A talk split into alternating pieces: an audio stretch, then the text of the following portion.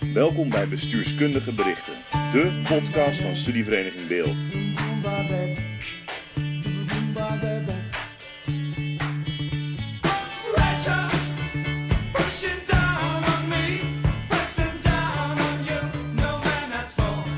Yes, luisteraars. Podcastje nummer 3 alweer. De allerlaatste podcast van deze bestuurskundige berichtencommissie. Binnenkort dragen we dit prachtige blad over aan de nieuwe commissie. En dan mogen zij hier wel heel veel mooie dingen mee gaan doen. Mijn naam is Haaien Dijkstra. En uiteraard zit ik hier voor de derde keer met mijn co-host Rick van Dijken. Ja.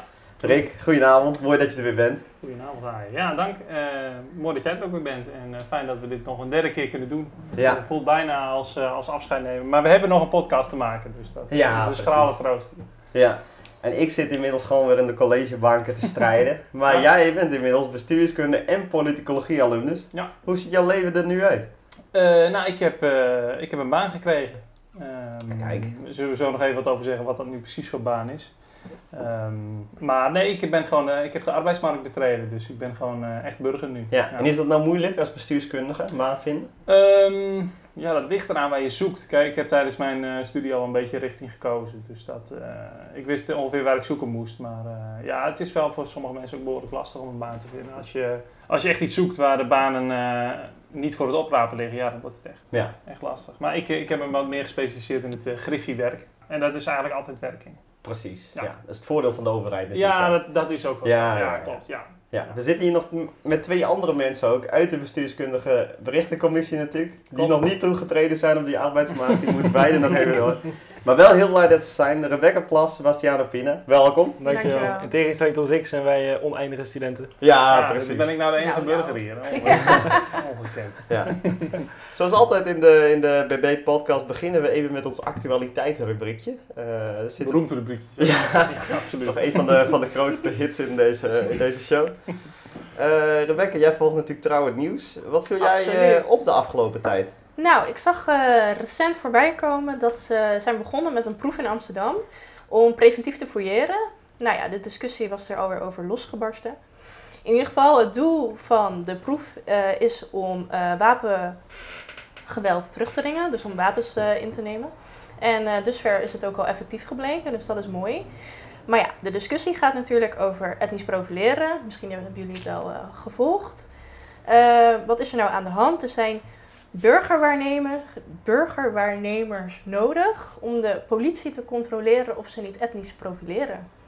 Kijk, Nou, Ja. Dat zie ik nog niet direct voor me. Hoe, hoe ga je de politie dan controleren tijdens, tijdens hun werk gewoon? Dan rij je Ja, ze hebben fiets. een paar locaties eh, uitgekozen waar ze de proef eh, gaan doen. Bijvoorbeeld in het centrum, bij de Nieuwe Zijde. En dan, eh, ja, burgerwaarnemers moeten zich aanmelden. Er zijn er dus voor 22 aangemeld. Nou, ze hebben er meer dan 100 nodig voor de proef. Hm. Dus eh, het loopt nog niet helemaal op rolletjes volgens Nee. mij. Maar dan gaan ze gewoon, ja... eh, ze horen 1 op de 5 voorbijgangers eh staande te houden om te, zeg maar, dus random ja. selectie. Ja, ja, ja. En zij controleren dat of ze dat daadwerkelijk doen. Of dat ze iemand pakken op bijvoorbeeld op een huidskleur of andere uiterlijke kenmerken. Oh ja. Ja. Het is een, bi- een bijzondere proef, maar je ziet er wel een mooi bestuurskundig fenomeen in, vind je niet? Dus Ja. uiteindelijk een, een burger die gaat samenwerken met de politie, een soort nieuwe publieke-private samenwerking. Ja. Ik sta er misschien nog wel wat kritischer in. Ik vind namelijk die taak die die burger nou neemt, dat is in principe volgens mij een soort vrijwilligerswerk bijna. Ja. Dat zou natuurlijk gewoon een soort overheidstaak moeten zijn. Want jij moet in principe een politiekorps hebben wat je volledig moet kunnen vertrouwen. Dus het feit dat wij nu 22 hele lieve vrijwilligers hebben die zich daarvoor hebben aangemeld, dat is heel mooi. Maar ik vind het ook wel weer heftig dat, dat eh, zulke private personen nu een publieke taak gaan uitoefenen die eigenlijk gewoon door de staat gewaarborgd Ja. moet worden. Ja, de dus kijk- politie was er ook niet blij mee. Nee, het, Dat dat vertrouwen er dus kennelijk niet is. nee, precies. En waar eindigt het? Weet je? Op een gegeven moment krijg je natuurlijk dat, dat wordt ook een vast clubje wat dan, eh, wat dan de politie controleert. Ja, die moeten dan ook weer gecontroleerd. Waar, Ja. waar stopt het dan? Weet je wel? Eigenlijk moet, Nou ja. moet, moet, een, moet een instantie als de politie boven alle twijfel verheven zijn. En nou ja, er moet altijd wel kritisch gevolgd worden. Maar als er echt misstanden zijn, dan moet je het aanpakken. Maar dit is een soort, nu wordt de politie preventief, Ja. ter- terwijl, terwijl ze preventief fouilleren, preventief gecontroleerd. Dus, ja, waar eindigt dit? Nou, het doet me ook heel erg denken aan een hoop van die buurtwacht-apps, waarbij eh, een, een heel mooi vrijwillig initiatief eigenlijk ontstaat van mensen die zelf willen bijdragen aan de veiligheid in hun wijk. Ja. Maar wat toch ook heel vaak misgaat, omdat daar inderdaad ook eh, een vorm van discriminatie of racisme vaak bij komt kijken. Omdat die mensen eh, hun taak gaan uitoefenen op een manier die eigenlijk ook alleen voor de politie voorbehouden is. Dus eh, je komt ermee in een heel lastig pakket, maar wel ook een heel bestuurskundige eh, Inderdaad, ja. Het geweldsmonopolie, ja. ja. Dat is jaar één, hè? Ja, Ja. absoluut. Ja. Voor, de, voor de nieuwe studenten die luisteren, die zullen dat vast nog tegenkomen. Absoluut. Die zullen binnenkort ook in de collegebankjes zitten. eh, als ze een mondkapje mee hebben, want die heb je nog steeds nodig om het gebouw binnen te komen. Sebastiano, heb jij er een hoop last van nog, de coronamaatregelen? Nou, ik ben nu ehm, eh, bezig bij een stage bij de overheid en daar eh, is eh, de maatregelen nog natuurlijk super heftig. Allemaal Ja. thuiswerken nog. Natuurlijk te begrijpen. Terwijl in sommige universiteiten, volgens mij vertelde Rebecca dat net, dat je op sommige universiteiten geen afstand meer hoeft te houden. Dus je krijgt soms een beetje een, een rare tweedeling. Dat op de ene plek moet je dan wel aan de regel- regels houden, op de andere plek niet. Ehm, dus ja, ik denk dat we vooral na vorige week de winst van Max Verstappen in Zandvoort allemaal erg uitkijken naar een, een, een, daverende exit-strategie. Ehm, zoals ze ook in Engeland hebben gehad. Eh, het moet allemaal natuurlijk erg verantwoord kunnen, maar we hopen natuurlijk allemaal zo snel mogelijk weer gewoon de collegebanken in te kunnen en, eh, en weer te werken op locatie. Eh, dat is wat we allemaal willen. Dus dat, eh, dat volgen we nauwgezet in, de, in het nieuws. Ja, precies. Ja, Rick, jij gaat natuurlijk voorlopig die collegezalen niet weer zien. Of tenminste, Nee, ik denk niet dat je daar plannen toe hebt. Nee, nee, nee, nee. Ik heb geen eh, comeback eh, plannen. Nee, ik, eh, ik ben... eh, ik ben gewoon burger, echt officieel. Nee, ik ben eh, arbeidsmarkt eh, eh, ben ik, eh, ben ik betreden. Dus ik ben eh, begonnen bij de Tweede Kamer. Ja. En eh, nu wil het geval net dat die eh, verhuisd zijn, de Tweede Kamerleden. En eh, ja, naar B67, een nieuw gebouw. En eh, nou, Ja. ik moet zeggen, dat vind ik wel heel eh, grappig. Je ziet hele tijd mensen door de gangen. Dus trouwens veel bredere gangen lopen dan in het oude gebouw. Met verwondering en een klein beetje verbijstering over welke kansen ontmoeten. En ehm, ja, dat is, dat is wel grappig om te zien. En het is ook wel een voordeel, want ik begin natuurlijk net. En op een nieuw, nieuwe werkplek ben je eigenlijk altijd de weg kwijt. Ehm, En nu is iedereen de weg kwijt. dus Ja. dat is nog wel een voordeel. Nee, Ja. ik, eh, ik vermaak me daar eh, prima. Ik las, in, ik las in het nieuws dat in de lift of bij elke lift iemand staat, ook om, om mensen de weg te wijzen. Ja, er is, er is, in dat gebouw is er een, een, een eh, zestal liften in het centrum van het gebouw. En er is ook nog een bewindsliedenlift. Maar daar moet je nooit in gaan. Want die bewindsliedenlift, dat is een heel gevaarlijk liftje. Dat is van, vanuit de tijd dat het nog een ministerie was, het ministerie van Buitenlandse Zaken. Waar ze die bewindslieden uit lieten komen met die, met die lift. Dat is een mysterie. Daar eh, ga ik nog even induiken. Maar je komt op de naaste plekken terecht als je in die lift stapt. Dat is heel bijzonder. Ja, ja, precies. En een hoop mensen vinden het nieuwe gebouw natuurlijk afschuwelijk, want je komt Ja. van een gebouw met, met honderden jaren historie, mooi in het centrum van Den Haag. Ja. En nu zit je toch in een soort betonnen rotsformatie. Het wordt natuurlijk ook wel de apenrots genoemd. Ja, klopt. Eh, nou, ik zie dat anders. Ik vind het sowieso wel echt op zich een, een, ja, een heel markant gebouw. Mooi zou ik niet zeggen, maar nou ja, het is wel een, een sprekend gebouw. Brutalistische stijl aan de buitenkant. Dus ja, en aan de binnenkant eh, moet ik zeggen heel verzorgd. Dat is eh, netjes gedaan. En eh, nou, daar kunnen ze prima vijf jaar zitten volgens mij. Ja, jij gaat nog van vijf jaar uit. Ja. Want de geruchten zijn toch dat het al wel wat langer Nou, het is dan- officieel vijf en een half jaar. Hè? Dus dat heeft Knops nu vlak voor de zomer volgens mij bekendgemaakt. Dus ik ga van vijf en een half jaar uit, ja. Maar de geruchten zijn er Vertrouwen in de overheid. Ja, ja. de grondhouding is altijd vertrouwen, ja. Al met al een hele toffe eerste baan, eh, moet ik Ja, zeggen. klopt. En ik kijk ook een beetje naar je tegen je op, want ik ben ook een soort van de arbeidsmarkt betreden. Ja, hè? Maar eh, ik ben als stagiair begonnen, dus Ja. eh is nog niet voor volwaardig, eh volwaardige arbeids- arbeidsmarkt. Mhm. Ik ben begonnen bij het ministerie van Justitie en Veiligheid. Nice. En eh, ik ben heel benieuwd hoe de coronamaatregelen bij jou zijn. Bij ons zijn ze nog heel streng. Nog niemand werkt op locatie. Ik ben er toevallig vorige week even geweest. Hm. Eh, super toffe torens naast eh, campus Wijnhaven, waar eh, alle jonge studenten deze week gaan beginnen met studeren. Ehm, maar eh, ja, we gaan allemaal de wijde wereld in. Ja, absoluut. Ja. En daar kijken we allemaal naar uit, denk We ik. spreiden Het- onze vleugels. het is ook wel goed dat het de laatste keer is dat wij deze podcast doen eigenlijk. Ja, Dit kan Ja. echt niet meer. Nee. De, la- de laatste keer is dit. Ja, het is wel een emotioneel afscheid. Ik zou ook Absoluut. zeggen, laten we het glas nog even één keer heffen Laten we dat doen. op de nieuwe BB-podcast. Vergeten vriend. Ja, bedankt, was te kort, dat vergeet ik niet. Iedereen hield van jou. We have breaking news. Ja, en dan is er laatste nieuws en dat is eigenlijk dat er een nieuwe BB uitkomt. En dat is gewoon, hè, kijk, zo'n podcast is hobby erbij, maar dit, dit is de, Ja, wat deal. voor BB? Er staan weer talloze artikelen in. Eh, onder andere een artikel over hoe diversiteit en inclusie eh, geborgd kan worden in de Tweede Kamer. We hebben een tegenstrijdig artikel vol discussie over een globalistische versus een nationale, nationalistische visie op het klimaatbeleid. En niet te vergeten een interview met oud-Kamerlid Ronald van Raak. van de SP. Ja, Ja. en dat zijn zomaar, ja, het is een greep, een kleine greep uit de onderwerpen die in de komende editie centraal staan. Het is echt weer de moeite waard om die editie van kaf tot kaf te lezen. En dat kan natuurlijk gewoon op papier. Vraag bij de, bij de Bill gewoon na. Eh, de Kamer is weer open, heb ik begrepen. Klopt. Eh, vraag gewoon even naar, hey, hebben jullie nog BB liggen? Meestal is dat wel het geval, want de oplage is flink omhoog gegaan. Eh, ook dat is iets wat we dit jaar gelukkig bereikt hebben.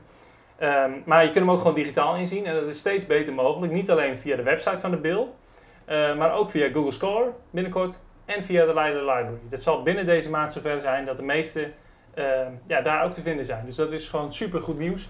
Eh, en dat is gewoon eh, weer een volgende stap voor de BB.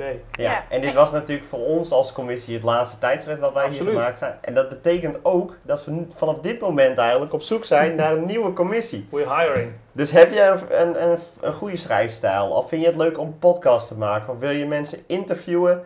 Eh, je hebt zoveel allemaal. opties. Je, het kan allemaal. Eh, kom naar de commissiemarkt van de Bill of stuur gewoon een mailtje eh, naar de bestuursleden van de Bill. En dan kun jij misschien wel meewerken aan de toekomst van dit tijd. Zo rijden we de toekomst in.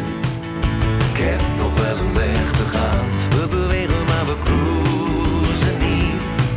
We vechten om de linkerbaan. Er is een woord. Rick, ik heb hier de, even de Spotify-statistieken voor mij gepakt. Hè? Dan zie je die vorige podcast, dat zit tussen de, rond de 400 eh, luisteraars nu. En in verschillende leeftijdscategorieën. Dat is mooi. Eh, een redelijke balans tussen, tussen man en vrouw zie ik er ook in terug. Dat, eh, Wat toch- divers. Ook een aantal mensen die nog geen 18 zijn. dat is mooi om te horen. Dat, Eh. die bereiden zich voor waarschijnlijk op eh, een jaartje bestuurskunde dan. eh, Precies, die hebben goed. zich even wel goed verdiept. Want ik wil, het is eh, de eerste week eigenlijk weer van het collegejaar natuurlijk. Het nieuwe academische jaar. Een hoop nieuwe eerstejaarsstudenten. En die komen voor het eerst in aanraking met de discipline bestuurskunde. Ja. En dat is toch altijd een ingewikkelde discipline. Waarbij het soms moeilijk is voor te stellen wat nou echt een bestuurskundig onderwerp is. Is het nou politicologie of is het eh, iets anders? Sociologie het lijkt overal een beetje op. Het is natuurlijk multidisciplinair en eh, een hoop nieuws heeft er wel mee te maken, maar de, de kern is het ook weer niet altijd. Nee. Ehm, dus speciaal voor deze podcast hebben wij even nagedacht, gebrainstormd, wat zijn nou vijf thema's die je dit jaar veel gaat terugzien. Eh, je moet straks een paper schrijven. Wat is nou een leuk bestuurskundig thema eh, wat ook nog actueel is? Ja. Nou, we hebben allemaal wel wat aangedragen en De ik zou 5, ja. alvast één op tafel willen gooien. Mambo number five. Nummer 5. De nieuwe bestuurscultuur. Ah, Ja, echt een buzzword eh, op dit moment in Den Haag überhaupt. Ehm, maar waar, waar wil je, wat denk je dat dit voor rol gaat spelen in de bestuurskunde? Nou, misschien moeten we, moeten we eerst nog even teruggaan. Dus- Dus waar komt het vandaan? Eh, de toeslagenaffaire. Uiteraard. Dat is natuurlijk langzaam op, op gang gekomen. Als een soort sneeuwbaleffect heeft dat de media gepakt. Het kabinet is er uiteindelijk opgevallen. De hele soap bij het CDA komt eruit voor natuurlijk met Pieter Omtzigt. Eh, de Rutte-doctrine komt eruit voor. Dus er heeft heel veel mee te maken. Maar in de kern heeft het natuurlijk ook te maken met het functioneren van het openbaar bestuur. Dus hoe functioneren uitvoeringsinstanties zoals de Belastingdienst? Hoe functioneren de ministeries? Hoe is het contact tussen al die verschillende partijen? Is er sprake van verkokering? Ja. En hoe gaan bestuurders daarmee om? Nou, dat is natuurlijk razend eh, interessant. En dat komt ook heel veel in bestuurskunde terug, denk ik. Nou, daar zal het de komende jaren ook, ook eh, veel over gaan, verwacht ik. Ja, en jij denkt zelfs dat het echt iets wetenschappelijks toonaangevend zal worden. Echt een thema voor de komende jaren. Ja, ja, dat, ja dat denk ik toch wel. Zoals dat in de afgelopen jaren Nou, een goed voorbeeld is natuurlijk... Ja, waren. ja, ja, wij, zijn, wij zijn van de lichting die is eigenlijk grootgebracht met de, de gesprekken over de decentralisaties Ja. van 2015. Waar voor het eerst eh, eigenlijk een belangrijke nationale taak onder werd gebracht bij de gemeentes. Dus werd gedecentraliseerd. Nou ja, daar is het ongelooflijk veel over gegaan in bestuurskunde. Het was natuurlijk ook een kwestie van wel de taken, niet het geld. Dus het Ja. was ook een verkapte bezuiniging. Ik weet nog dat Wim van Noord in ons eerste jaar zei: Het is natuurlijk gewoon een verkapte bezuiniging. ja, ja. Ongewoon heldere taal voor Ja, Wim ja, van ja, Noord. ja, ja. ja. Dat is toch, toch goed onthouden. Ja. Misschien, Maar- wel, misschien wel een van de meest bekritiseerde onderwerpen in de bestuurskunde. Ook, Denk absoluut. Vrij Ja. zeker. En Ja. nog steeds prangende kwestie. Ja, er zijn nog steeds volgens mij een meerderheid van de gemeenten die gewoon in het rood staan met hun, met hun Ja. zorgbegrotingen. dat is gewoon zorgelijk. Maar toch willen de bestuurskundigen ook wat nieuws denken. En misschien zijn zij ook wel de partij die hier een antwoord op kunnen bieden. Op hoe moet die nieuwe bestuurscultuur eruit zien? Dus hoe zorg je er bijvoorbeeld voor dat mensen niet klem komen te zitten in een systeem?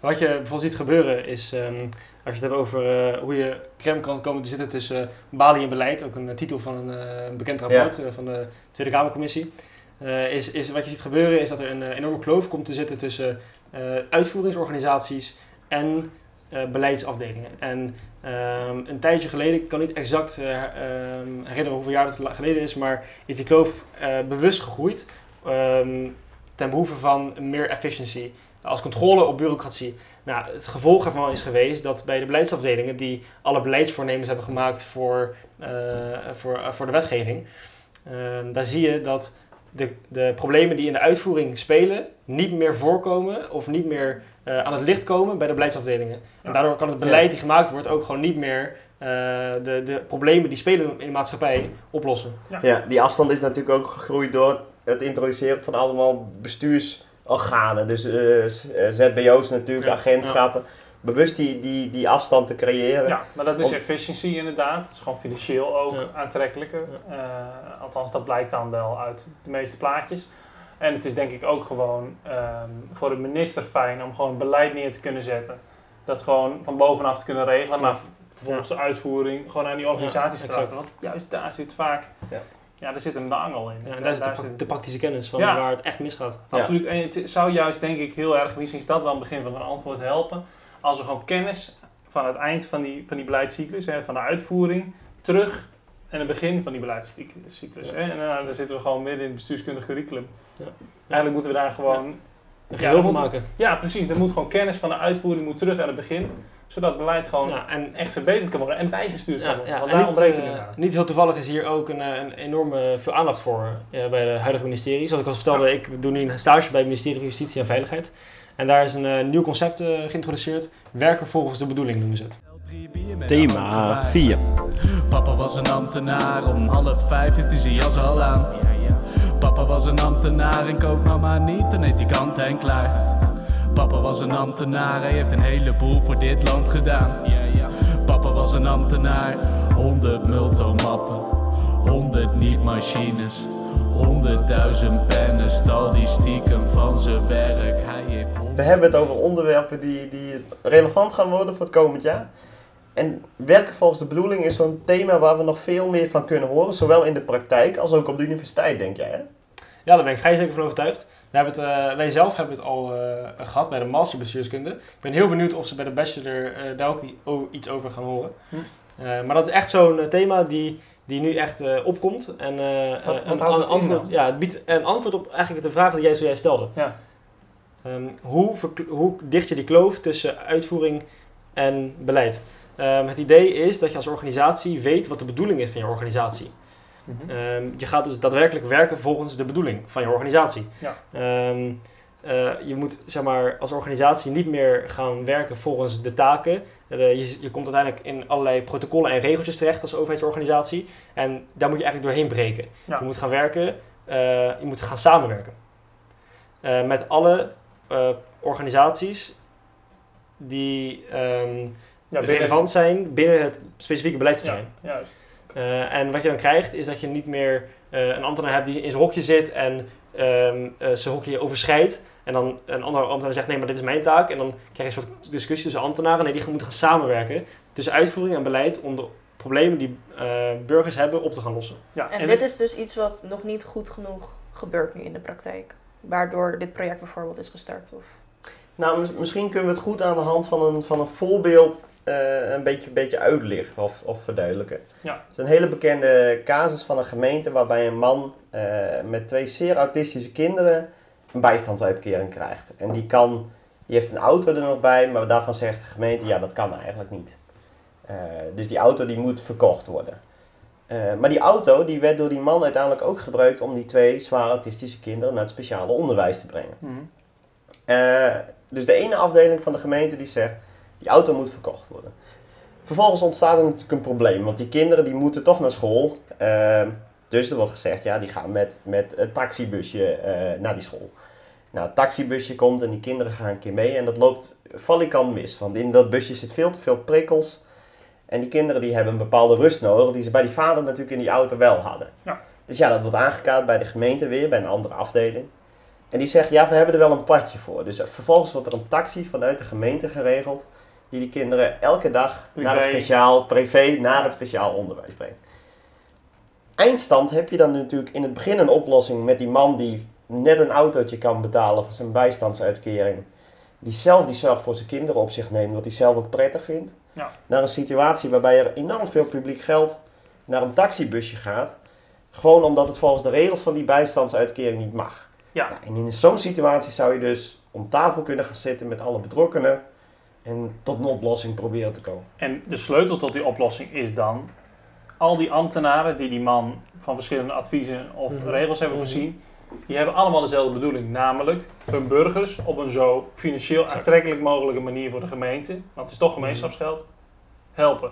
Ja, dus eh, de focus moet echt weer komen te liggen op het helpen van de burger. Want de overheid is er immers voor de burger. Dus niet eh, een afdeling of een ambtenaar individueel kijken naar het takenpakket, maar kijken Ja. naar onze organisatie. Dat is de bedoeling daarvan. Exact. Eh, dat komt voornamelijk, die trend is opgekomen omdat heel veel maatschappelijke opgaven van deze tijd grensoverschrijdend zijn. En dan Ja. bedoel ik niet landsgrenzen, maar Mhm. dan bedoel ik de grenzen van organisaties. Eh een gemeente heeft een probleem voor een burger, of een burger heeft problemen, maar die kan niet door één gemeente geholpen worden, maar die heeft ook een, een, een andere organisatie voor nodig. Ja. Dus die moet echt gaan samenwerken. Dus vandaar komt dat idee, daar komt dat idee vandaan. Mooi. En natuurlijk heel relevant voor het aankomend jaar. Dus dat zou een heel geschikt onderwerp voor bijvoorbeeld een paper eh kunnen Zeker. zijn. Tip van ons. Lijken op een amulet. Ik wilde die paper zien. Ik kom met die 17. Of die klok 19. Dat is die Tory met laserbeam. Die mannen die weten niet. Je moest eens weten, vriend. Ik ben een hosselaar. Heb meer dan een team met die Yo. Ja, en dan is het zo dat we bij eh, thema nummer 3 van deze bestuurskundige top 5 voor dit jaar eh, aangekomen zijn. En dat ehm, ja, het haakt een beetje in op de actuele politiek, denk ik althans. Eh, dat weet ik eigenlijk wel zeker. En het is op dit moment dat we deze podcast opnemen zo dat we in een behoorlijke eh, ja, politieke impasse zijn gekomen wat betreft formatie. Ehm, vermoedelijk is het zo dat wanneer u deze podcast luistert, ook al is dat over twee jaar, dat we nog steeds in een politieke impasse zitten. Dat begint er steeds meer op te lijken. Nee, maar laten we optimistisch blijven. Eh, er wordt eh, aan een eh, nieuw kabinet gewerkt. Althans, er wordt over nagedacht. Door eh, Johan Remkes op dit moment. Althans, dat zeg ik wel. Waarschijnlijk op het moment dat u deze podcast luistert, is Johan Remkes informateur. Ehm, maar op dit moment is het nog niet zover. Maar de politieke eh, eh, verwachting is wel dat hij dat zal worden. En de opdracht aan hem zal waarschijnlijk worden om te verkennen of er een minderheidskabinet mogelijk is. En dat brengt ons bij het onderwerp minderheidskabinet, wat bestuurskundig van aard is, denk ik.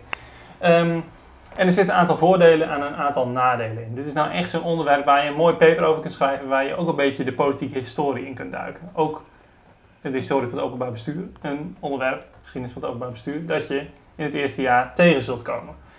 Ehm, Ja, want Rick, wat, wat- weet jij een beetje wat voor minderheidskabinet Nederland gehad heeft? Nou, Nederland heeft niet echt een systeem wat een minderheidskabinet heel erg ehm, fantastische optie maakt. Eh, en dat is ook waarom ze eerst de optie van een meerderheidskabinet hebben verkend en daar nu uit zijn gekomen. Nee, er zijn natuurlijk wel een aantal eh, minderheidskabinetten geweest. Ehm, maar kort gezegd eh, ja, is het kenmerk daar wel van dat er veel ministers sneuvelen, eh, politiek gezien, in de Tweede of Eerste Kamer, eh, waar de minderheid zich dus bevindt. Er zijn zelfs kabinetten geweest zonder een meerderheid in zowel de Eerste als in de Tweede Kamer. Bijvoorbeeld het kabinet De Meester. Dat heeft drie jaar gezeten, van 1905 tot 19, eh, 1908. Eh, maar dat eh, werd eigenlijk gegijzeld door de Sociaaldemocraten. Het was een liberaal kabinet. Ehm, en ja, wat moet je als minderheidskabinet? En dat gaan we waarschijnlijk dan ook de komende periode zien. Deals maken. Alleen ja, die gasten zijn niet gek, die Sociaaldemocraten. Dus die wilden uitruilen. En nou, het liberale kabinet, eh, de meeste was eigenlijk te start daarin. Dus ehm, ja, in de sociaal-democratische hoek zit een sterke, eh, eh, een sterke weerzin tegen oorlog voeren. Dat was in die tijd al, dat is het gebroken geweertje, dat is eigenlijk altijd in die hoek eh, een sterke stroming geweest. En zij weigeren dus om eh, de minister eh, van Oorlog de begroting daarvan goed te keuren. Dat hebben ze twee jaar gedaan. Het eerste jaar is de minister opgetreden. Minister Staal heeft hem opgevolgd. En ook die faalde in de Eerste Kamer. En daarop is het kabinet uiteindelijk afgetreden. Dus ja, dat zie je wel heel erg bij min- minderheidskabinetten. Je moet dus deals maken. Eh, ja, ik weet niet, hoe kijken jullie daarnaar? Hoe zou dat, hoe zou dat kunnen in de komende periode? Stel Ja. dat je dus VVD, CDA, D66 krijgt. Ja, dan zou je toch eerst naar links kijken, denk ik, aangezien je een klimaatopgave hebt. Ja. Ja, je gaat dan krijgen dat je bij eh linksonderwerpen, wat we dan linksonderwerpen noemen, klimaatverandering, ga je naar GroenLinks kijken. En ja, dan ga je waarschijnlijk krijgen dat je met, eh, met, met het migratiebeleid naar PVV gaat kijken. Ja. Eh, gaat het zo eruit zien, denk? Vraag ik me af, kijk, ehm, die partijen waar je zaken mee doet, die oppositiepartijen, zijn natuurlijk niet gek. Dus zij willen natuurlijk gewoon het beste uitslepen voor hun. Dus daarom zeg ik ook over twee jaar politiek in passen. Ja. Waarschijnlijk is het ook zo, want als een minderheidskabinet lang zit, heb je dus gewoon voortdurend eigenlijk een formatie die doorloopt. Dus je blijft gewoon met, eh, heel intensief met partijen waarschijnlijk in gesprek om te, te zorgen dat ze dus bepaalde plannen waar zij moeite mee hebben steunen en andere plannen ehm, eh, waar ze dus positief over zijn, in dit geval met de linkse partijen en het klimaat, dat ze dat, eh, dat ze dat ook steunen. Maar duurt het eh, proces van overleggen dan juist langer in een meerder dan in een meerderheidskabinet? Ah. Want je zou zeggen dat ze dan makkelijk meerderheden kunnen verwerven op thema's waarbij ze het mee eens zijn. Ja, Je, nou, zou, ja, je zou zeggen van wel, maar ja, Rutte 3 heeft wel alles overtroffen natuurlijk. Eh, je, zei, je noemde net dat bij het minderheidskabinet de ministers sneuvelen. Ja. Eh, nou ja, Rutte 3 kan er ook wel wat van, eh, denk ik. hè? absoluut. Ja, Ja, Eh, absoluut. en de formatie van Rutte 3 heeft ook enorm lang geduurd. Dus het is niet alleen eh, ehm, voor minderheidskabinetten dat het geval zal zijn. Een positieve noot misschien om nog te kraken is eh, het minderheidskabinet Kort van der Linden. We hebben hem eerder de beste premier eh, genoemd in eh, bestuurskundige berichten. Althans, ik niet. Rebecca, jij Ja. eh, Persoonlijke titel. hebt dat voor je Ja, rekening gedaan. jaargang 35, nummer 1, goed artikel, kan je terugvinden. Zijn, er, zijn er nog achter, Rebecca? Eh, ja, ja ik, vind, eh, ik vind het mooi dat het was een eh, eh, eh, minderheidskabinet, Kort Ja, van der. Linden. En eigenlijk op die manier hebben ze, terwijl de partijen het met elkaar oneens eh, waren en eigenlijk ook geen meerderheidskabinet konden vormen, hebben ze zo toch, ehm heeft Kort van der Linden Nederland door de Eerste Wereldoorlog geloodst. Ja, Want dat was het belangrijkste thema. Klopt. Kijk, dus je zit dan met een crisissituatie. Ja. De vraag is of dat nu ook zo is. Er, zijn wel grote maatschappelijke opgaven, maar een crisis zou ik het niet noemen. Aan de andere kant, eh ja, Kort van der Linden is natuurlijk wel ook... eh, ehm, we hebben het gezien bij de twee torentjes toespraken tijdens de coronacrisis... eh, dat Kort van der Linden op een schets in het torentje van Mark Rutte Ja. zich bevindt. Dus Mhm. het is wel een inspiratiebron voor onze premier. En het zal op zijn lenigheid aankomen als dit minderheidskabinet, eh, om dit minderheidskabinet te gaan laten vliegen. Ehm, er zijn kabinets eh, van Kort van der Linden, dat zat van eh, 1913 tot 1917. Dus ja, het is gewoon een hele nette periode om een, om een regering Mhm. te hebben. En zij wisten, ehm, hij wist een akkoord te sluiten, eh, de pacificatie. En eh, dat ging over een grondwetsherziening. Dus dat is gewoon echt een hele grote opgave geweest. Ja. En dat hebben ze voor elkaar weten te krijgen. En kan je dan stellen dat de eh, crisis zoals de klimaatcrisis en nu krijgen we misschien ook alweer zo'n grote migratiestroom dat je over een migratiecrisis kan spreken, wooncrisis misschien, Wie weet, kijk, dat daardoor een minderheidskabinet juist nu ook. het heeft momentum is. nodig. En ik zie Ja. dat op dit moment nog niet. Ik zie wel een minister-president die het zou kunnen, denk ik. Hij heeft in de afgelopen periode bewezen dat hij in ieder geval delen van zijn beleid kan slijten in de Eerste Kamer. Bij constructieve Ja. partijen. Ja. Ja. Maar je krijgt nu wel, en daarom zeg ik ook, die partijen zijn natuurlijk niet gek, die nu deals moeten gaan sluiten met Rutte. Waarom zou de PVV, ja natuurlijk, oké, eh, een, een, ehm, eh, bijvoorbeeld een, een kritisch, eh, een aanscherping van de migratieregels, laten we het daar eens even over hebben. Dat is natuurlijk logisch om te steunen voor de PVV. Eigenlijk zouden ze, ja, daar kunnen ze eigenlijk niet op mee, maar je moet daar een pakket van maken, wat ook voor D66 te dragen is. Ja. Dus je blijft, je hebt gewoon een spectrum waar je rekening mee moet houden. En ja, als het er niet doorkomt, komt het er niet door. Kort van der Linden, eh, het kabinet is gevallen uiteindelijk op een andere kwestie, waar, waar ook gewoon eh, de, de Tweede Kamer ervoor ging liggen. Dus je hebt gewoon niet alle kikkers in de kruiwagen wat je hebt met een meerderheidskabinet. Ja. Dus het wordt een hele interessante periode, denk ik. Je bent natuurlijk een beetje een insider in het nieuwe Kamergebouw. Hoeveel achterkamertjes zijn daar voor, voor dit soort onderhandelingen die je straks, als er een minderheidskabinet komt, toch zal moeten voeren in die, in die nieuwe achterkamers? Ja, de nieuwe, we hadden het over bestuurscultuur, maar ik denk dat ze wel een nieuwe vleugel mogen aanbouwen voor al die achterkamertjes die, eh, die er nu bij moeten komen, als je een minderheidskabinet krijgt. Ja. Eh, het is natuurlijk allerminst zeker. Maar ja, nee, dat, die- dat gaat toenemen. De, de cultuur van besloten politiek overleg, nou dat zien we nu tijdens de formatie. Dat wordt En dat is natuurlijk weer een dilemma voor bijvoorbeeld de hele kwestie omzicht. Waarbij de, de, de Kamer natuurlijk toch ook als een soort tandeloze tijger altijd eh, neer wordt gezet. Klopt. Ja. Ja, Eh, Artikel- die- waar- waarbij artikel 68 van de grondwet, wat inhoudt dat de Kamer altijd eh, informatie zou moeten Oh toekrijgen, ja, eh, Ja. eigenlijk gewoon niet, niet ge- goed gebruikt is. Dus eh, dat klopt inderdaad. Maar is er dan nog een uitweg? Want uit deze formatie, minderheidskabinet hebben we besproken, is niet de ideale optie. En nu eigenlijk de vraag die wordt gesteld is, is deze, dit politieke systeem niet dood? Of moeten we een kiestrempel invoeren? Gaat dat het oplossen? Nou ja, zit het probleem bij de kleine politieke partijen? Ik denk het niet. Nee. Ik denk het niet. Een Want kiesdrempel dan heb je ik nog zo... steeds dezelfde problemen die jij bijvoorbeeld net schetst over Ja. de PVV die niet met D66 doorheen durven. Je hebt iets minder versplintering, maar uiteindelijk zit het probleem zit nu bij de grote blokken. Ook als die blokken groter zijn, zullen ze met elkaar politieke compromissen moeten sluiten. Ja. Dus je- ja, ik denk dat het probleem op dit moment niet op te lossen is, behalve met momentum, wat een minderheidskabinet zou kunnen laten vliegen. Ehm, ja, of nieuwe verkiezingen. Dat zou natuurlijk ook kunnen. Maar gaat dat dan de oplossing zijn? Wie weet, dat ligt aan de uitslag. Dat ligt aan Het werd een hele lastige Ja. uitslag. Het is in ieder geval voor de aankomende tijd en voor de aankomende P's ook een uitstekend onderwerp om, eh, om mee te nemen.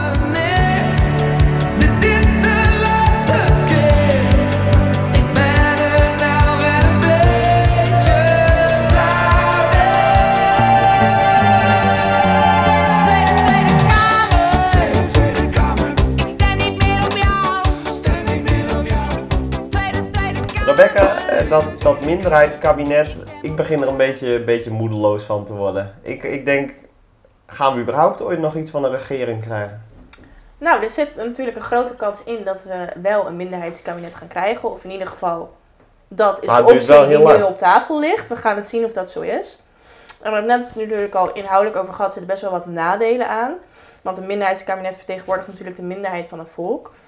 Ehm, maar hoe krijgen we dan de stem van het volk toch in het kabinet? Zou directe democratie een middel kunnen zijn om dat aan te vullen? Ik denk het wel. Ik denk het wel. En eh, helemaal bij ehm bepaald type beleid, zoals eh, klimaatbeleid, die tot ver achter de voordeur reikt. Die echt daadwerkelijk burgers treft. Eh, klimaatbeleid zal in de toekomst gaan over, ga je wel of niet een warmtepomp aanschaffen of ga je in een elektrische auto rijden. En dat is zodanig ingrijpend in de levens van mensen, dat het ook cruciaal is dat mensen daar iets over kunnen zeggen in de toekomst. Dat er een mogelijkheid is, dat er gefaciliteerd wordt voor burgers om een mening daarover te uiten. Eh, dat kan dus, zoals jij zegt, inderdaad in een, in een burgerforum, waarbij burgers bij elkaar komen om eh, een richting te geven aan het, het beleidsterrein, dus in dit geval klimaatverandering. Eh, welke kant zij willen dat het land opgaat over dat onderwerp. En naar mijn, naar mijn mening is dat echt cruciaal. Ja, en het zou dan een minderheidskabinet helpen omdat zij een regering hebben op hoofdlijnen. Om ook Precies, echt en de wil biedt- van ja, het volk exact. toch te En vertegenwoordigen. dat biedt dan ook ruimte aan de burgers om daar ook echt een richting, richting aan te geven. Ja. Eh, maar dat is natuurlijk wel, eh, er is veel haast bij. We kunnen natuurlijk niet doen alsof dit een wondermiddel is. Het is geen roze, geen maneschijn. Ehm, het, ehm, het kost veel, het kost veel tijd. Ja. En klimaatverandering, als we het over klimaatverandering hebben, ehm, heeft die tijd niet. zeg maar. Nou, ik vind het wel inderdaad een thema waar je dat goed bij zou kunnen toepassen. Althans, waar het dienstig zou kunnen zijn. Juist omdat het, wat je zegt, het reikt tot ver achter de voordeur. Dat is ook juist waarbij, waarom het thema ook heel veel weerstand oproept bij mensen. Mm. Van, oh, Ja. Mm, dan exact. moet ik dit eh, laten, Ja. dan moet ik Ja. dat eh, afschaffen, En dan moet ik dat hoeveel, verkopen. hoeveel geld dat gaat er uit mijn portemonnee? Precies. Ja, inderdaad. eh, We mogen van, ook niks meer. Ja. Nee, precies. Dat Dat, is, dat, eh, element. En dat kun je misschien inderdaad eh, tegengaan Ja, door... Je neemt dat weg. Maar ja, je moet, dan, moet dan, dan moet je dan wel voor zorgen dat er gewoon ook echte inspraak is. Dat er ook echt wat mee gebeurt. En Ja. daar hangt er natuurlijk vaak Ja. wel de directe democratie. Ja, dus het moet ook niet gaan over eh, uitvoering. Ehm, we gaan met z'n allen een initiatief starten over eh, hoe we, waar we zonnepanelen gaan plaatsen, of hoe we zonnepanelen gaan plaatsen, maar het moet echt beleidsvormend zijn. Dus daardoor is het ook echt een aanvulling Ja. op, eh, op een minderheidskabinet. Ja. Dus dat ze echt inspraak hebben. Ja, want een burgerforum is een adviserend orgaan met Ja. burgers die dan Ja, zo zou je dat met kunnen het zeggen. kabinet... En, en ja. ehm, eh, weet je, ik heb wel eens op eh, lokaal niveau ehm, meegedacht over hoe je burgers zou kunnen betrekken aan de voorkant van beleid. Eh, voordat het beleid uit- uiteindelijk ehm, bekrachtigd is door de gemeenteraad. Ja. Ehm, nu is dat in een gemeente op zich nog overzichtelijk. Hè? Je hebt eh, een paar duizend inwoners Ja, in de meeste ja. gevallen. Dus ja, daar kun je op zich nog daar kun je nog wat mee. Maar als je het hebt over 17 miljoen Ja, Nederlanders, dan is het, ja, hoe, hoe pakken we dat dan praktisch aan? Ja, nee, dat, is- dat is inderdaad een, eh, een vraag. En eh, dit jaar is er een commissie geweest, eh, commissie Brenninkmeijer, en die heeft zich over die vraag gebogen. Hm. Hoe gaan we zo'n commissie organiseren? Of zo'n burgerforum? Hoe gaan we zo'n burgerforum organiseren? En de manier om dat te doen is een, een wat ze dan noemen een gestratificeerde loting. Hm. waarbij je eigenlijk met technologie of algoritmes een willekeurige groep burgers selecteert. Cruciaal daarbij is dat je ook burgers betrekt die ehm, tegen klimaatverandering zijn bijvoorbeeld. Als je het nog steeds even hebt over dat voorbeeld. Tegen klimaatbeleid. Tegen klimaat, sorry, niet tegen klimaatverandering, maar tegen klimaatbeleid inderdaad. Ja. Goed dat je Ja. corrigeert. Eh, omdat eh, je wilt dat iedereen erbij betrokken is. Eh, Ja. Zij hebben ook aangetoond dat ehm, in zo'n in zo'n vorm van eh, burgerfora, eh, waarbij mensen dus echt in debat gaan met elkaar over het onderwerp, Ja. dan worden de extremen steeds meer gematigder en gaan ze steeds meer naar elkaar toe. Ja. Door met elkaar in gesprek te gaan, eh, verenig je elkaar ook, daadwerkelijk. Ja. Eh, dus dat proces is ook heel erg stimulerend in die zin. Ehm, wat je dus is krijgt, ja. ja, Ja. wat je krijgt is echt een afspiegeling van de samenleving door met algoritmes een loting eh, eh, te, ne- te nemen van de samenleving. Mhm. Eh, en dus echt een afspiegeling te krijgen van, van, eh, van Nederland. Oké, ja, dan komen we eigenlijk van, van onze top 4, eh, maken we eigenlijk onze top 5 eh, met dit technische verhaal eigenlijk compleet. Want ja, als Er zit nog een belangrijk thema bij. Me saying, Ayo, I'm tired of using technology. Why don't you sit down on top of me? Ayo, I'm tired of using technology. Nummer 1. I need you right in front of me. als er iets eh, ook eh, in de toekomst bestuurskundig relevant zou worden, ook, eh, hè, we hebben het gehad over bestuurskunde als inter- interdisciplinaire wetenschap. En je kijkt naar hè, de bestuurskunde met de klassieke elementen van eh, eh, bestuursrecht, eh, de politicologie. Maar iets wat echt in de toekomst eraan zit te komen, is, is die technologie. Die kant die we eigenlijk, wij als bestuurskundigen, we, we staan eigenlijk aan het einde van onze studie, studieloopbaan, eigenlijk weinig ervaring mee hebben. En ik denk dat dat in de toekomst in het curriculum best wel sterk naar voren zou komen. Hè? De gestratificeerde loting inderdaad. En wat moeten we met thema's als eh, artificial intelligence. Dat zal in de komende jaren steeds pregnanter worden om daar iets mee te... Om er iets van te vinden als bestuurskundige. Wat moeten we daarmee met die Ja. thema's? En we zien natuurlijk dat het overal wordt toegepast, ook binnen de overheid. Ja. Eh, nou, dit is een voorbeeld inderdaad van de burgerforum. hè. Het zit Eh, we kunnen het natuurlijk ook weer aan de toeslagenaffaire koppelen, waarbij je ook natuurlijk met bepaalde input eh, systemen gewerkt hebben op een bepaalde algoritmes volgens mij. Ja, klopt. Maar denk ook bijvoorbeeld aan smart cities, wat we daarbij gaan krijgen, waarbij allemaal verschillende technologieën aan elkaar gaan, gekoppeld gaan worden. Ja. Ehm, maar wat natuurlijk ook weer heel veel vraagstukken oplevert, bijvoorbeeld als het gaat om privacy. Ja, absoluut. En, en bestuurskundigen die, die, die zijn natuurlijk ook altijd vaak met een afweging bezig. Je kunt vaak heel veel eh, beleidsthema's terugbrengen te- tot een bepaalde afwij- eh, afweging tussen Ja. twee publieke waarden. En daarom zit filosofie natuurlijk ook heel duidelijk in zo'n eh bestuurskunde curriculum. Ja, denk toch denk ik wel dat dit iets is, als je kijkt naar de politiek. Ik moet zeggen trouwens, en daarbij moet ik wel aantekenen. Ik wou zeggen, de politiek staat wat, wat achter op de markt. hè. De, de overheid blijft achter bij de markt qua ontwikkeling eh, in technologische richtingen. Eh, nu eh, is het wel zo dat in, het komende, in de komende tijd een commissie digitale zaken actief gaat worden in de Tweede Kamer. Volgens mij is die al van start en die nemen dus alle Ja. zaken op het gebied van technologie. Ja, dat is nodig. Want, ja, dat is echt nodig. Overheid en ICT is geen goed huwelijk. Nee, en dat wou ik zeggen. Misschien is het zo dat wij als bestuurskundigen en de bestuurskundigen die nu luisteren, iets kunnen doen in die richting van de technologie. Een combinatie, een brug kunnen slaan tussen bestuurskunde en technologie. En op die manier misschien een, eh, ja, een richting kunnen bepalen voor Nederland. Welke kant moeten we op met technologie? Het zijn moeilijke beleidskeuzes die gemaakt moeten worden. Dus als bestuurskundige kunnen we misschien ook een klein steentje aan bijdragen. Ja. Op een interdisciplinaire, di- interdisciplinaire manier Juist. natuurlijk, waarbij je ook rekening houdt met zowel de technologische aspecten Ja. als de, de, de ethische kanten Ja. die er natuurlijk altijd aan, eh, aan kleven. Het, ja. En dat is een top 5 eh, die we daar hebben. Ja, dus heel kort, de nieuwe bestuurscultuur, die gaan we zeker terugzien in het komend jaar. Werken volgens de bedoeling, misschien wel een van die toevoegingen waarmee we iets kunnen betekenen voor die nieuwe Ja, bestuurscultuur. maar is een nieuwe voor mij. Dus, eh, Als er een nieuwe bestuurscultuur komt. Ik heb een hoop van, van Rick geleerd over de geschiedenis van minderheidskabinetten en misschien gaan we wel naar een minderheidskabinet toe. Wie weet. Wanneer dat niet lukt, heeft Sebastiaan ons natuurlijk een goede update gegeven over eh, het Burgerforum samen met Rebecca. Eh, wat dat voor nieuwe opties biedt, ook om onze democratie te versterken. Tot slot moeten we natuurlijk die technologische ontwikkelingen in de gaten houden. Ja. Eh, om te kijken wat dat ons brengt en welke dilemma's en, en andere aspecten dat meenemen. Ja, en wij willen natuurlijk graag van jullie studenten horen of jullie het ook echt hebben teruggehoord in de colleges eh, van onze Ja, eh, universiteit ja daar ben ik studenten. zeer benieuwd naar. Ja. Ja, dus de reacties mogen altijd naar bestuurskundige berichten We zijn heel benieuwd eh, hoe jullie erover denken.